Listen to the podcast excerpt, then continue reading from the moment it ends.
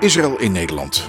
Dit is de podcast van de ambassade van Israël die wij wekelijks in het weekend uploaden op ons Soundcloud-kanaal. In de podcast is er aandacht voor het grote verhaal van Israël, maar ook oog voor detail. Gesprekken met diplomaten en met gewone burgers. Joodse feesten, innovatie en toerisme. Ieder weekend dus de stem van Israël in Nederland.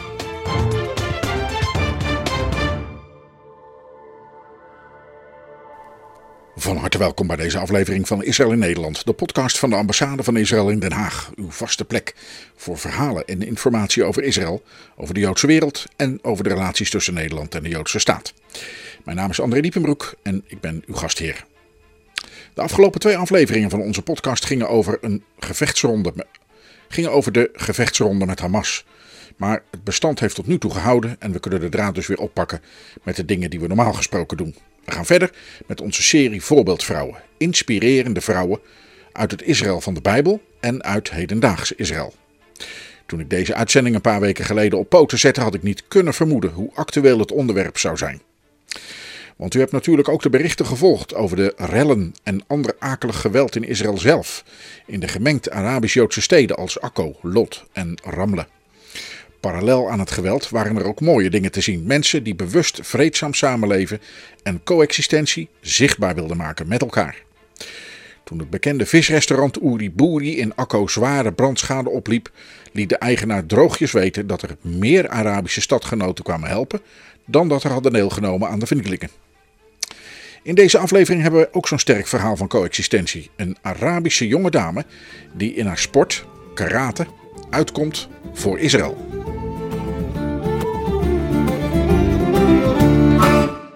In onze serie hebben we tot nu toe gesproken met een soldaat en een cyber-expert.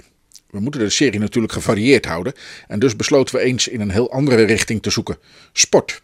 Mijn collega Miri Charabi, die veel redactiewerk doet, kwam met het idee een karatekampioene uit Nazareth te interviewen. Hala, en eigenlijk moet ik Gala zeggen. Gala Elias Mali is 21 jaar oud en als ik de foto's op haar Facebook-profiel bekijk, zie ik twee donkere ogen die altijd glinsteren. Levenslust. Ze is een knappe verschijning, lang haar, een beetje geblondeerd. Een charmante afstudeerfoto van de middelbare school met een collegehoed op met een kwast eraan. Een foto van een tekst uit het Nieuwe Testament, Johannes 15, vers 12, een citaat van Jezus, die net als zijzelf ook uit Nazareth kwam. Dit is mijn gebod, dat u elkaar lief hebt, zoals ik u lief gehad heb. Hala die over een teddybeer heen gluurt. Ik zie Hala in een zomers shirtje. Ze draagt een orthodox kruisje. Ze heeft op haar Instagram profiel een bijbeltekst staan. Jezaja 41 vers 10. Wees niet bevreesd, want ik ben met u. Vrees niet, wees niet verschrikt, want ik ben uw God. Ik sterk u, ook help ik u, ook ondersteun ik u met mijn rechterhand die gerechtigheid werkt. Op zijn minst opmerkelijk te noemen allemaal. Maar er is ook een andere Hala Mali. Ze staat bij het meer van Galilea op één been, met het andere hoog boven haar hoofd geheven in een klassieke karatetrap. Ze staat vaak in haar witte tenue, soms met een beker, soms met medailles om haar hals. Hala Mali is de dochter van Sahur en Alias Mali en ze heeft twee jongere zusjes. In 2017 treedt ze toe tot het Israëlische nationale team. In datzelfde jaar doet ze namens Israël mee aan de wereldkampioenschappen in Moskou.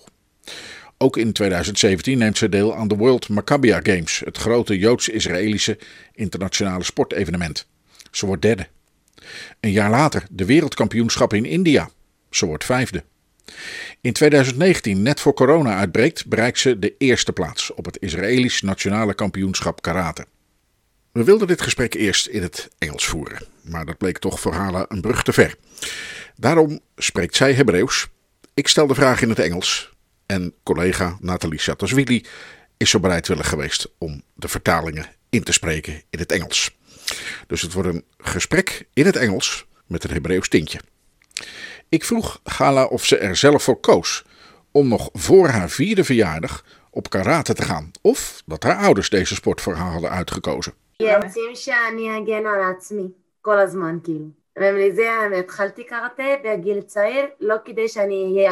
My parents started getting me into karate, getting involved in it to learn self-defense.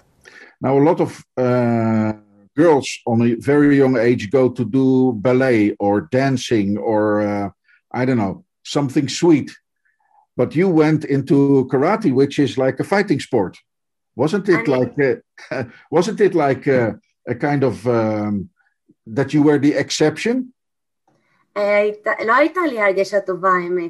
I started at a very young age, and it was never to become a champion. That was not our mindset at all. It was first and foremost for me to learn how to defend myself.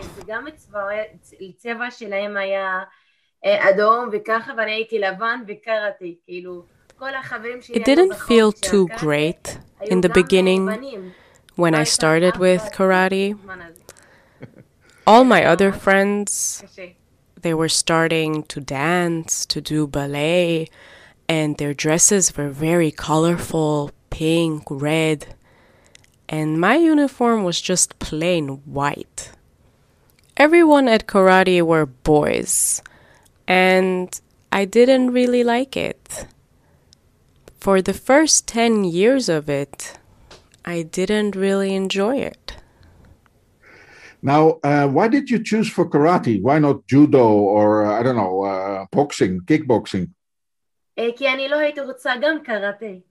אני הייתי רוצה בכלל משהו אחר. I actually tried to get in a lot of trouble with my karate teacher so that he would kick me out of the program and out of practicing karate, but he didn't give up on me.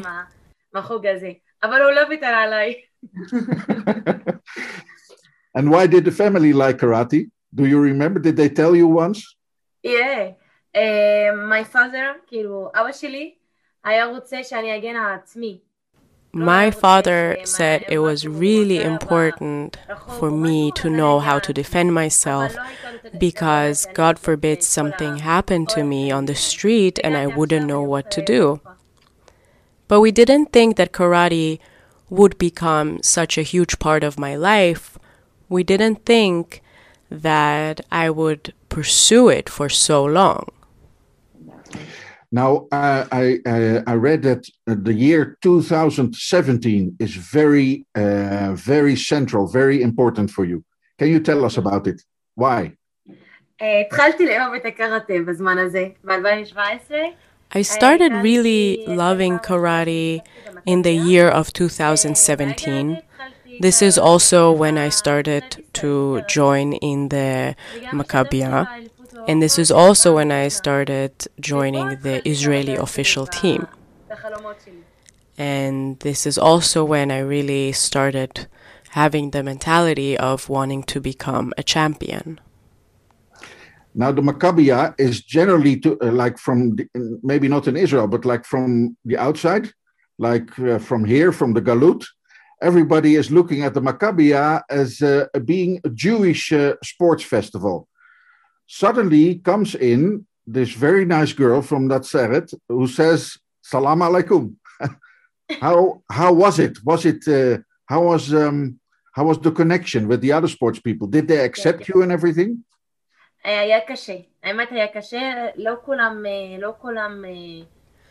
I also started participating in the European Championship, and this is really where the mentality grew from just doing karate to wanting to really excel in it.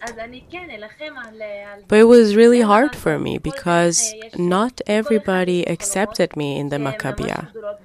The Maccabiah is usually for Jews from all around the world and not really for Arabs. But I told myself that I will fight hard to achieve my dreams and my goals because not everybody can achieve their dreams. But I said to myself, I can. What What do you think? Because your sports is karate. What is? Can you describe um, what the essence of karate is to you? Why Why do you love it now? I mean, you didn't love it at the beginning, but now. because I'm special with him. אני ממש מיוחדת שאני משתפת בקראטה.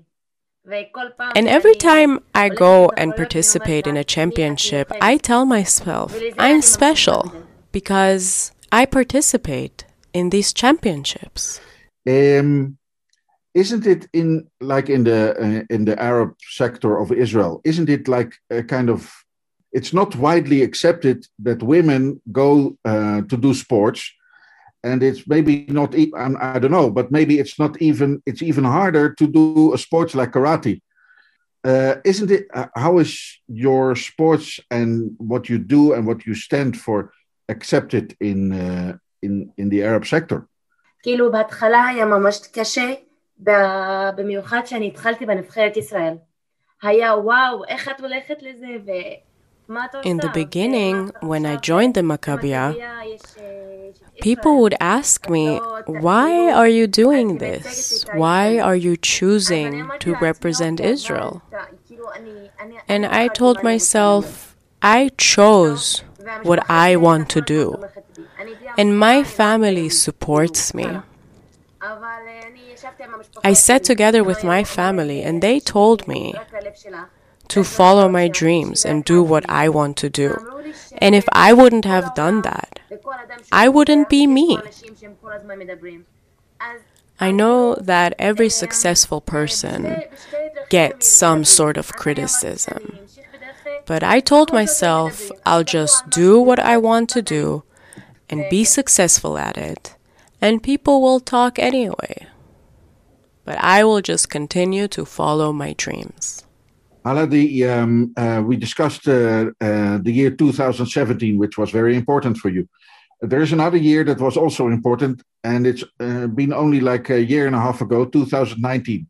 Can you tell us about it? What happened? היי, בטח. האמת שאמרתי לך שהתחלתי בנבחרת ב-2017.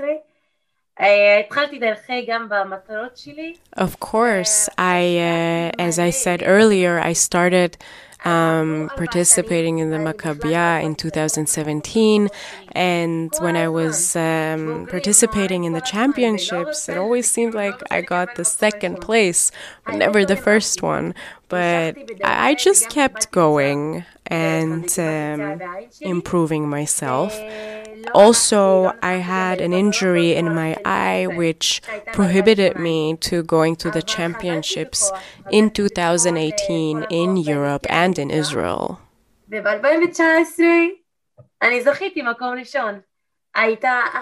The eye injury, in a way, made me come back stronger to the game.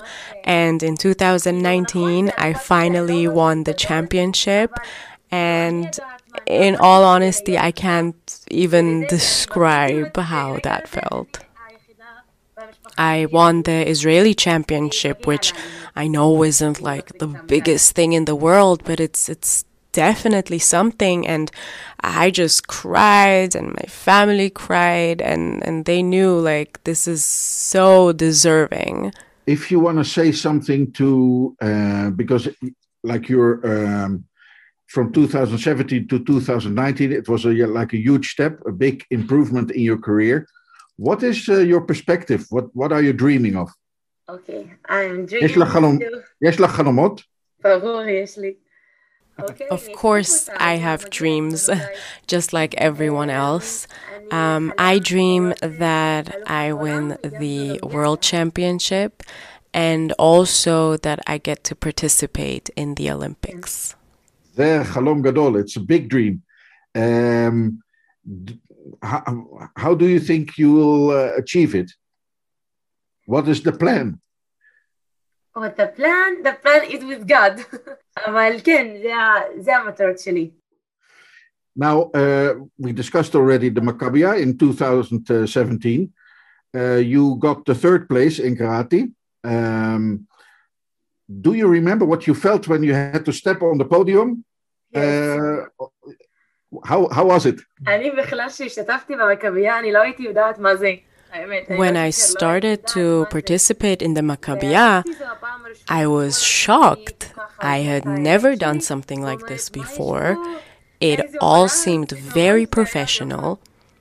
And I've never done anything professional before.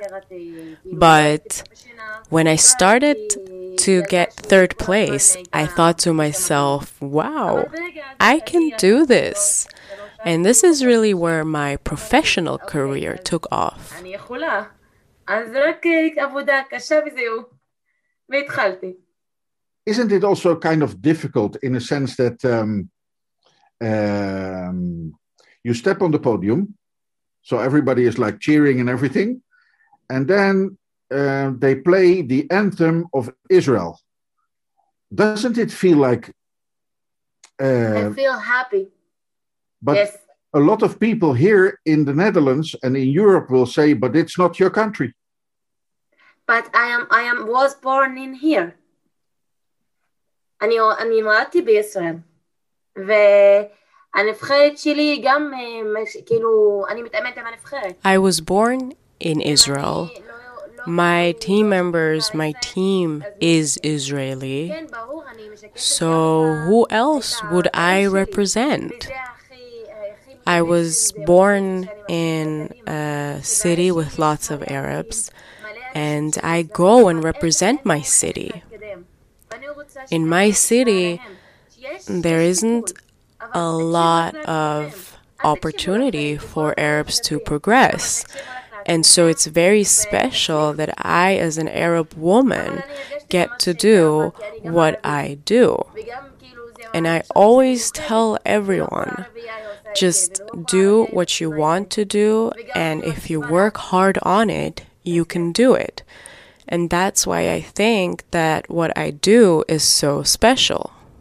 But uh, uh, I'm I'm explaining you why I'm asking this because here the um, the discussion uh, about the Middle East in the Netherlands. Uh, I mean, a lot of things are changing now with the uh, Abraham Accords, uh, with you know the peace with Morocco, with um, the Emirati, with. Uh, but traditionally, everybody here thinks that uh, you have the Jews on one side and all the Arabs are Palestinians and they are on the other side. So people will definitely ask me, how is it possible that an Arab woman is doing karate, coming out in sports for Israel? It's not her country. אני What אגיד would- לך משהו, אגיד לך משפט שאולי זה יקצר לך את כל השאלות בראש שלך ובראש שלהם. I will tell you a sentence that will shorten your questions and the questions of the listeners. In my world, there is no politics.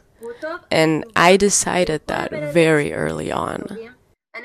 When I started to achieve my goals, I told myself there is no politics. I'm looking at the person, I'm seeing the person, and that's who I want to get to know, without any politics behind it. As, as being a sportswoman from the Arab sector, you're also like an example. Do you want to be an example to, to like the, the young children? And of how course. do, how do you do that? I do that, yes. Of course, I want, I want this. If you're a good person, I'll be a good person back to you. And I have a lot of good people surrounding me who I love. I don't see the person and judge them for who they are. I don't care if they're Christian or Jewish or Arab or Muslim. I just look at the person itself.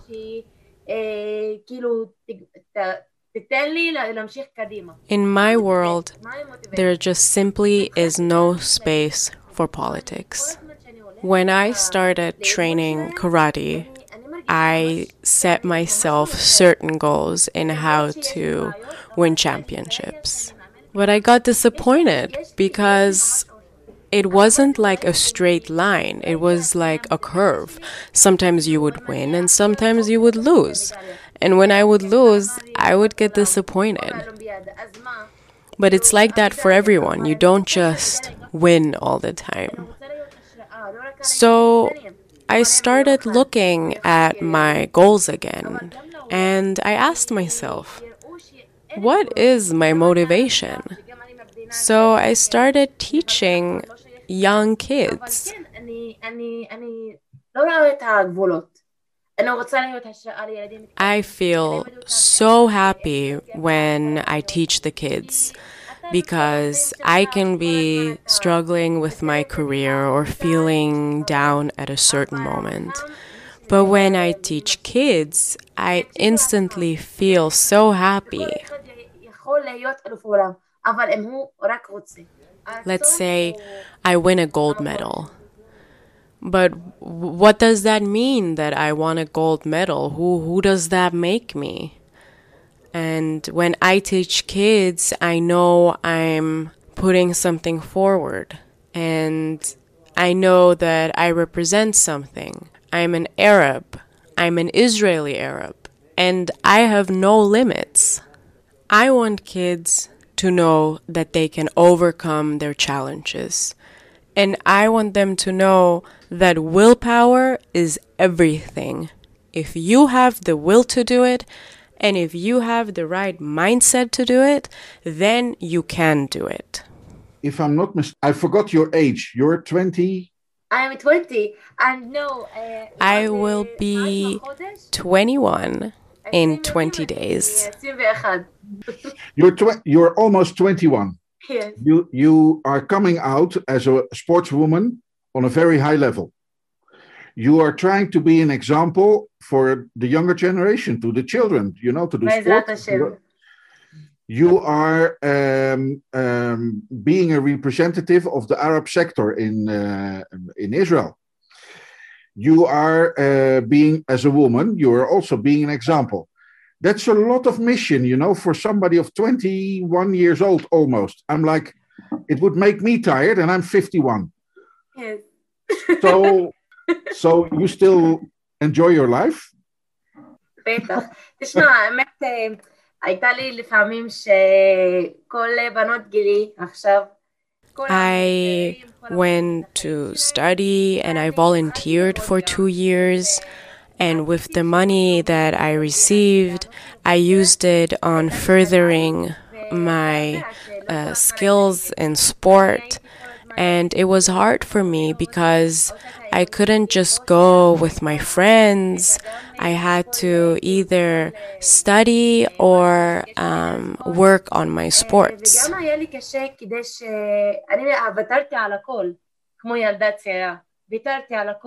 וגם היה לי קשה כדי ש... אני ויתרתי על הכל, כמו ילדה צעירה. ויתרתי על הכל. כאילו... I know that going out with friends would be a lot of fun, but that fun is only temporary, and it's so much more rewarding that when I train and get the championship titles, that that's something that's everlasting. כאילו זמני. אבל אם אני הלכתי עכשיו לאימון, זה יעזור לי להיות אלופה, אלופת עולם. בעזרת השם. אה, תשמע, זה אני גם התחלתי בדרכי רק בעזרת האלוהים שלי. I'm only With God, here where I am now because of the help of my God. And I always say that with God, the impossible is always possible. do you get also like a lot of support from uh, like from the church and from the i don't know from the from especially like from the christian sector are you also like helping the the, the christian arab sector uh, in a way אה, another mission and no money, but no money. Everyone around me is such a support system and supports me. And when I started officially representing Israel, the people around me really started noticing, like, yes, she can do this. But it wasn't all at once. It did go slow. It uh, it took its time.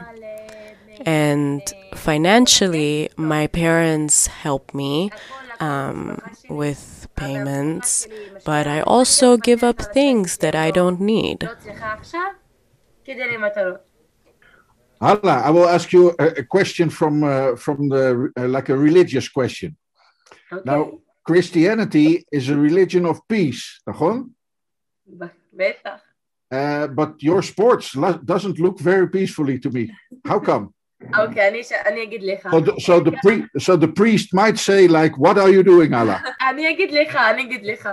את הקראטי שלנו זה לא ל- ל- ל- להרוג אנשים וגם לא... The karate that we practice is not for killing.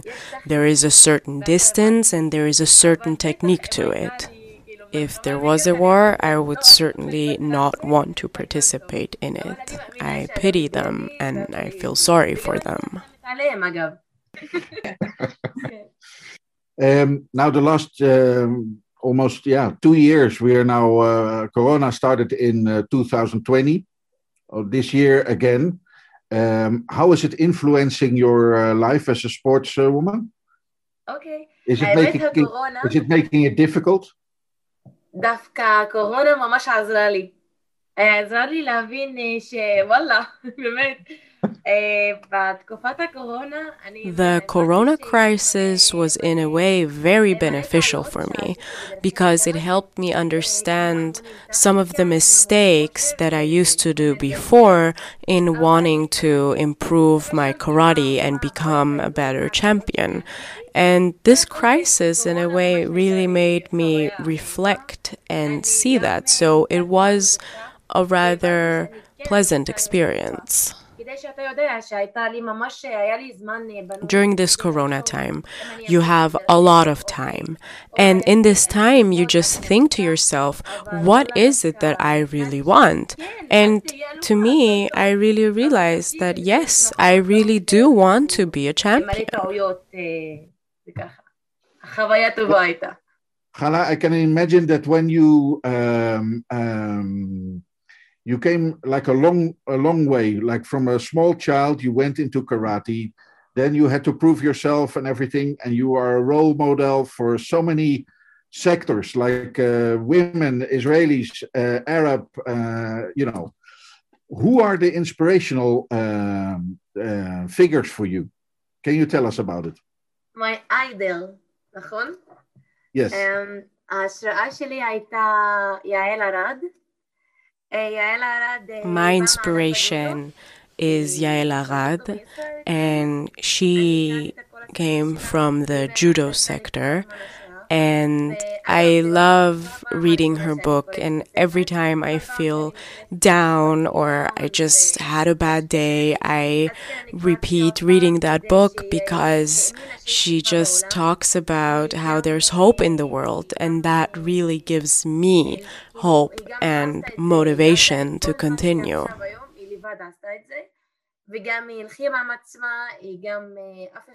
She accomplished everything by herself. She had no help, Nobody helped her, and she managed to be the world champion at the Olympics all by herself. What I learned and what I saw is that she also struggled in her life and she also had money problems and other issues, but that didn't stop her from achieving her goal. And that's really something that manifested with me. And I hope I will at some point get the chance to talk to her because I would really love that um, better sooner than later. How much of uh, of an inspiration do you want to be uh, to uh, women in general, but maybe more specific women in Israel, and maybe more specific uh, Arab women in in Israel? What do you want to tell them? Okay, אני גם רוצה להיות לכל העולם, לא רק למדינה שלי ולא רק אה, לילדים קטנים שלי. אני רוצה לה- להגיד להם שגם השמיים, ולדעתי גם השמיים היא לא I don't have concrete plans yet, but I definitely have a goal. And I don't just want to be an inspiration to my country or to the kids that I train. I want to be an inspiration to everybody. And I tell people that not even the sky is the limit. You need to listen to yourself and you need to really know what you want in order to achieve it. גם אתה לא עושה כמו אנשים. יהיה מיוחד, באמת, אני ככה הרגשתי גם. ו... וכן. If you tell yourself that you have a specific goal or you have a unique goal, then then in itself makes you already special and unique. And if you just follow that through, then this will become true. כדי שיהיה לו משהו בעולם, השראה. לא רק בספורט, אלא בכל מקצוע שהוא יבחר. Can you repeat the last part, what you just said in Arabic? We want to hear you speak your mother tongue. I, I, כן, I, I, אני יכולה? וואו. يسوع خلقنا عشان كل بني آدم منا يكون له خطة بالحياة ويكون له إلهام مش بس بناحية الرياضة من ناحية كل إشي بيختار البني آدم. God put you on the world for a reason.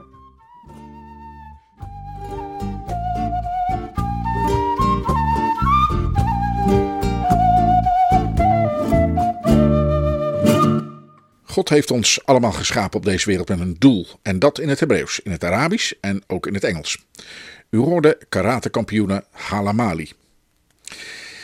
En u weet het wellicht nog van de eerdere afleveringen. We hebben naast een inspirerende dame uit hedendaags Israël ook altijd een spiegelbeeld, een dame uit Bijbels Israël, die een vergelijkbare missie had.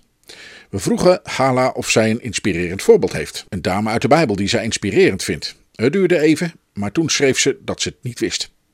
Wat ze wel had onthouden van Tanach en Talmoedlessen op school, was een bijzondere uitspraak, gedaan door een rabbi, een streekgenoot van haar, Nitai van Arbella. Deze man was Af Beddin, ofwel vicepresident van het Sanhedrin, onder de Nasi, de voorzitter Joshua ben Perachia, ten tijde van de Hasmonese-Joodse koning Johannes Hyrcanus. Dat was in de jaren 134 tot 104 voor de huidige jaartelling. Van deze man is de volgende uitspraak bewaard gebleven, en die had zij onthouden: Verwijder u van een slechte buur. Ga niet om met een slecht mens en wanhoop niet bij verdrukking. De Arabische Hala nam deze uitspraak van een Joodse rabbi en Talmoedgeleerde mee. Het zette ons aan het denken, want we moesten een Bijbelse tegenhanger voor Gala vinden om onze serie overeind te houden. Je verwijderen van een slechte buur of een slecht mens. Niet wanhopen als het niet goed gaat. Toen dacht ik, Abigail, de vrouw van Nabal, de latere echtgenote van koning David. Ze neemt afstand tot de slechte mens die haar echtgenoot is. Ze wanhoopt niet als het niet goed gaat, maar zij, net als Gala dat doet, neemt haar lot vaardig in eigen handen.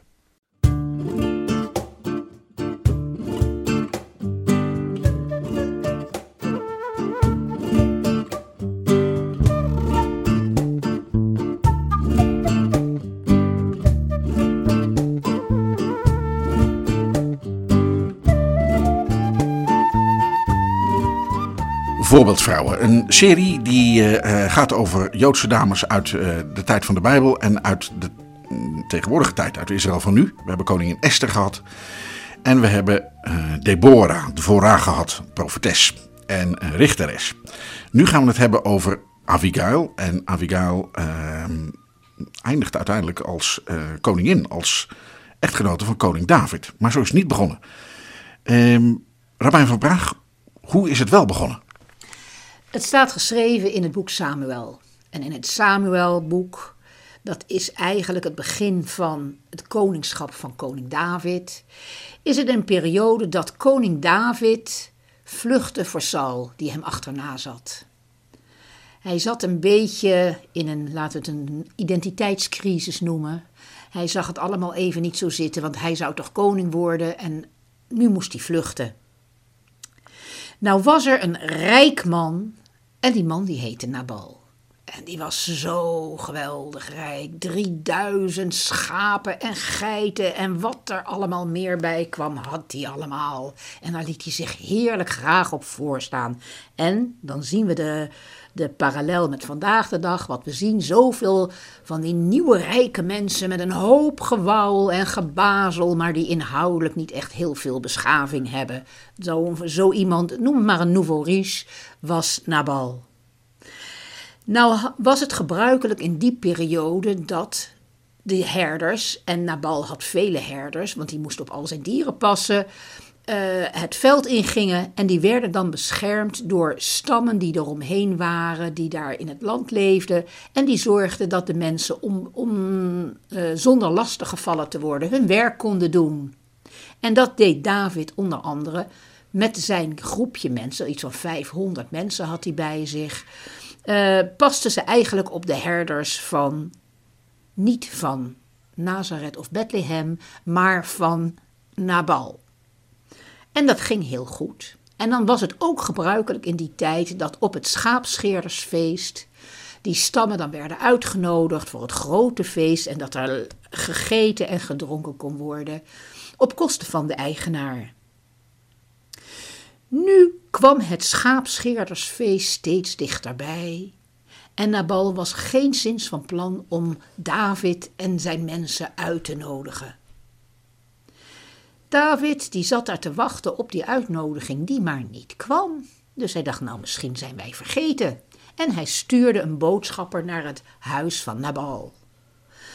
Waarop deze man keurig netjes het gebruik vertelde en dat ze eigenlijk wel heel graag deel zouden willen uitmaken van de festiviteiten.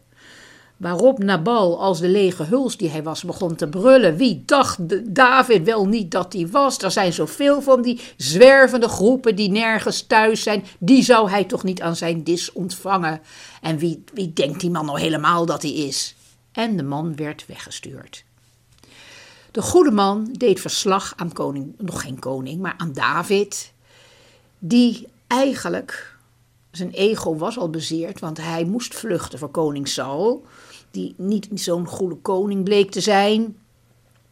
En hij dacht, ik moet koning worden en kijk eens waar ik nu zit, tussen de rotsen in een dal. En waar ben ik nou en waar ga ik nou naartoe? En die kreeg deze klap er nog eens overheen. Dus die begon zich vol woede en frustratie op te pompen om klaar te zijn voor de strijd. Want dit zou hij toch even niet accepteren. Wie denkt die brulboei nou wel niet dat hij is? De boodschapper was een wijs man. En die ging terug naar het huis van Nabal en die ging rechtstreeks naar Abigail, de vrouw van Nabal. Want hij dacht, wij weten wel hoe Nabal bekend staat, maar zijn vrouw is een wijze vrouw. Nou, Abigail, die luisterde, die hoorde de man aan en die kon precies het verhaal plaatsen, want zij kende haar man. We moeten er wel van uitgaan dat huwelijken in die tijd niet per se uit liefde werden gesloten. Dus ik neem aan dat Abigail niet zo heel erg dol was op haar man. En wat deed ze, wijs en verstandig als ze was? Ze laadde ezels vol met kant-en-klaar voedsel. Geen meel, maar broden die al gebakken waren, wijn die al bereid was, allerlei goede spullen. En maakte zo snel als ze kon dat, die, dat dat voedsel richting David ging. En daarna, toen dat allemaal weg was, terwijl haar man dronken zat te zijn of lag te slapen, zodat hij er geen erg in had. En toen ze keek of hij nog sliep, stapte zij op haar ezeltje en ging richting koning David. Of nog niet koning, ging richting David. Ze kwam hem aan en ze ontmoette hem midden op de weg, terwijl hij daar al helemaal klaar stond, opgepompt en wel met wapens om de strijd aan te gaan. En voordat hij vertrok, zag je eerst al dat kant-en-klare eten naar binnen komen, of richting hun komen. En daarachteraan kwam nota bene een vrouw. Dat was wat anders. En die vrouw, die speelde dat spelletje prachtig mee. Ze wist hoe ze die man moest, de mannen in die tijd moest benaderen. En ze zei: Mag ik alstublieft met u spreken, meneer, want ik ben slechts een vrouw. Ze wachtte niet op antwoord. Ze ging meteen door. Ik heb van een boodschapper vernomen dat ik een hele grote fout heb gemaakt. En ze trok alle schuld naar zichzelf toe. U weet dat mijn man Nabal een nietsnut is. Een, een, een, een, een, een, een dronkaard en een grote mond. Maar ik ben de huisvrouw. Ik ben verantwoordelijk voor de hele huishouding en voor alles wat daar gebeurt. En het is mij niet opgevallen dat een van uw boodschappers bij ons thuis binnen is gekomen. Neemt u mij toch als u niet, alstublieft niet kwalijk dat ik die fout heb gehad, gemaakt. En denkt u er alstublieft aan dat uw God u gemaakt heeft tot wie u bent, die u een vast, een, een, een vast huis zal geven. Dat die beslist uiteindelijk over leven en dood. Dus neemt u alstublieft mijn excuses aan. En David was even helemaal van zijn stuk gebracht. Nummer 1, hij werd aangesproken door een vrouw. En dan kon ze hem zo uit zijn, zijn gekwetste ego halen en hem op een groter doel kon ze hem richten. Zij, hij nam de onstabiele bewustzijn wat Nabal had, wat hij over had genomen, kon hij omzetten in verstand, in hart en in het wezenlijke. En het knappe van Abigail was dat ze verantwoording nam. Ze, luister, ze hoorde niet alleen, ze luisterde ook. En wat is de eigenschap van luisteren? Dat je diep tot je door laat dringen wat er gezegd wordt en dan verantwoording neemt. Ze deed het doelgericht en beheerst. Ze, wat ook zo knap van haar was, ze richtte zich op de toekomst. Wat de rol van koning David zou zijn. En ze zei, nooit, nee, ze zei notabene ook nog tegen David: Maakt u zich niet ongerust. Nabal heeft zo'n ongezond leven, die zal ongetwijfeld snel sterven. Dus zorg niet dat er bloed aan je handen komt. U hebt in het verleden door uw erbarmen naar koning Saul, waar u twee keer de kans hebt gehad om hem te doden en u hebt het niet gedaan. Kom weer terug in die kracht en laat je niet meesleuren door al die oppervlakkige woedes en ego's. Nou, wat kan je daarop zeggen als je zo wordt aangesproken? Dus David, ja, die smolt.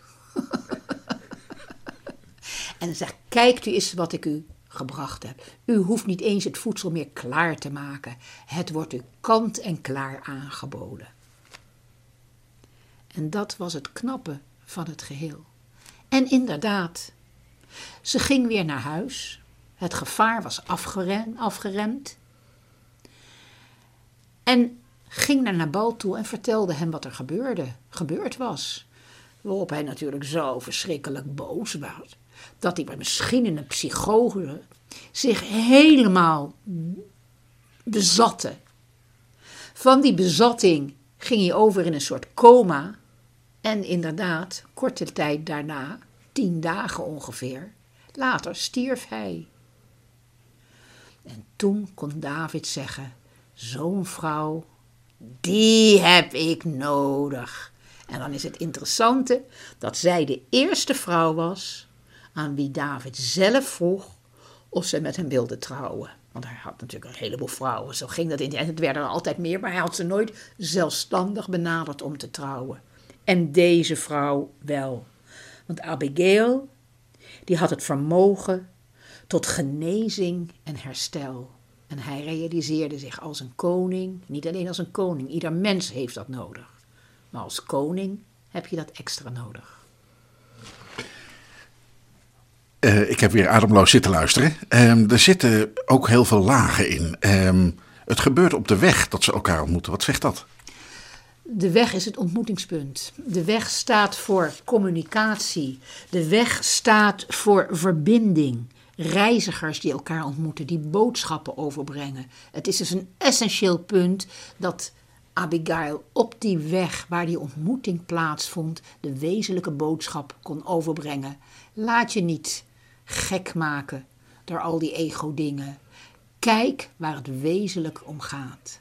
En daarom is die weg zo ontzettend mooi gevonden dat het inderdaad gaat om de ontmoeting, maar de echte ontmoeting met het luisteren en niet alleen het horen. En door het luisteren recht op je doel af goed handelen. Interessant in dit verhaal is dat het woord shekel voorkomt voor wijsheid. En dit is de enige keer in de hele Torah dat hier het woord shekel gebruikt wordt voor de wijsheid van een vrouw. Dat is wel heel bijzonder natuurlijk als dat de enige keer is. Ja, het, het, het mooie ervan is omdat die, verhaal, die verhalen in de Torah, die zijn eigenlijk een verhaal van de mensheid. Die zijn, die, je moet het niet zien als geschiedenis, je moet het zien als wat leert het ons.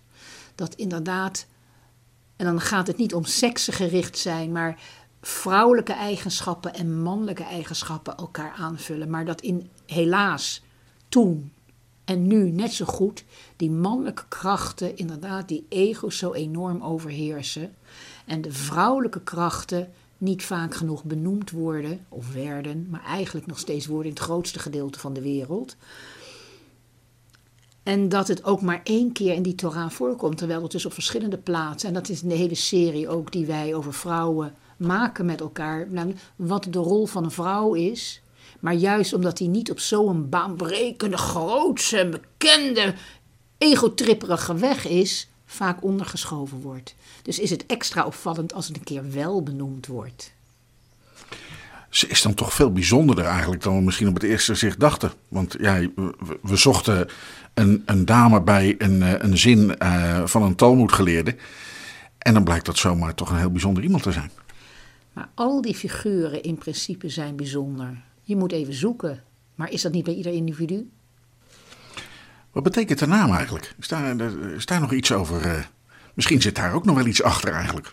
Uh, Abigail staat als de, de, de vader, de vaderlijke liefde, de, de, de vertedering van een man als hij een babytje, als een babytje geboren wordt. En dan heb je altijd ook die speciale band tussen vader en dochter, die op de een of andere manier. Als een vader een zoon krijgt, dan is het de trots en de naam wordt voortgezet. En ja, daar gaan we. Maar met een dochter komt er een hele andere dimensie naar voren. Dan krijgt een vader in heel veel, niet in alle gevallen, maar in heel veel gevoelen, is het een, toch een andere emotie dan bij die zoon. En dat is het mooie wat Abigail ook vertegenwoordigt. Niet dat ego, dat opgepompte, maar het verstandige en het wezenlijke. Ze maakt de naam dus waar eigenlijk. Is dat niet altijd zo? um, nou, uh, nou, nou, is er uh, veel over. Uh, is er best veel over, over haar nagedacht en over geschreven. Dat ze een vooruitziende blik had, politieke antenne had van allerlei dingen. Iets wat mij nog opviel was toen ik even op Wikipedia keek. Dat ze een profetes is een van de profetessen uit, uh, in de Joodse traditie. Want dat doet ze natuurlijk wel. Ze voorspelt uh, dingen over de toekomst van zowel Nabal, de, de als over uh, David, die nog geen koning is, maar het wel wordt. Ja, ik kijk eventjes in mijn aantekeningen. Ja, ja. Dat, het is goed voorbereid allemaal. Het is, het is allemaal voorbereid. Ze, ze kondigt het stevige huis van David aan. Dat hij zich zal vestigen, terwijl hij in zo'n periode van ja, dakloosheid, thuisloosheid beweert. Ze, beweert. ze helpt hem ook in zijn grootheid en ze kan hem richten, letterlijk richten, op die toekomst. En dat is met al die vrouwen die we eigenlijk in deze serie uh, benadrukken, dat het inderdaad gaat om het, het, ja, het gericht zijn op toekomst, op boodschappen ontvangen, weten waar het om gaat. Zoals we zeggen, als een babytje nog in de buik zit van de, van, van de moeder, dan heeft dat babytje een overzicht over de hele wereld. Dan weet hij dat. Die neshama, die ziel, is ingedaald in dat lichaam. Op het moment dat het babytje wordt geboren, komt die engel, die als het ware dat kindje begeleidt, en die doet zo. Die houdt de vinger van die, die, als het ware voor de mond. En dat is als het ware dat, dat, dat, dat hoe noem je dat, dat, dat tussen de, in de bovenlip hebben we zo een soort... Uh, een soort uh, groef, wat is het? Een soort, soort kuiltje? Een soort kuiltje, dat is van die engel die dat gedaan heeft, opdat die baby dat bewustzijn wat hij voor de geboorte had, niet meer heeft. Maar hij heeft het wel, alleen hij kan er niet meer bij. En een profetes, die kan in principe wel bij die wijsheid. Dus dat is als het ware daardoor zien en kunnen ze ook richten. En de mensen ook op hun verantwoordelijkheid wijzen. Want dat is tenslotte de taak van een profeet of een profetes. Jongens, jullie doen het verkeerd. Je moet de goede richting zoeken. Want die profetes of die profeet is nog in contact met dat, als het ware, volgens deze kabbalistische kijk op de zaak, op dat voorwereldelijke bewustzijn.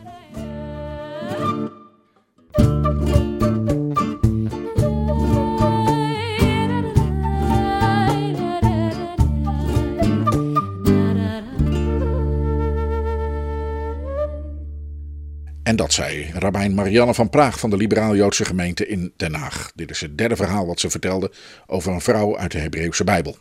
Eerdere afleveringen waren in februari met koningin Esther en in maart met profetes en richteres Deborah. U vindt deze serie delen allemaal bij elkaar op onze Soundcloud-pagina. Wij zijn hiermee aan het eind gekomen van deze podcastaflevering van Israël in Nederland. Vergeet u niet volger te worden of anderen aan te raden zich te abonneren. Zo blijven u en uw kennissen steeds op de hoogte van wat we doen. Heel handig voor als we weer bij elkaar op verjaardagsfeestjes mogen komen.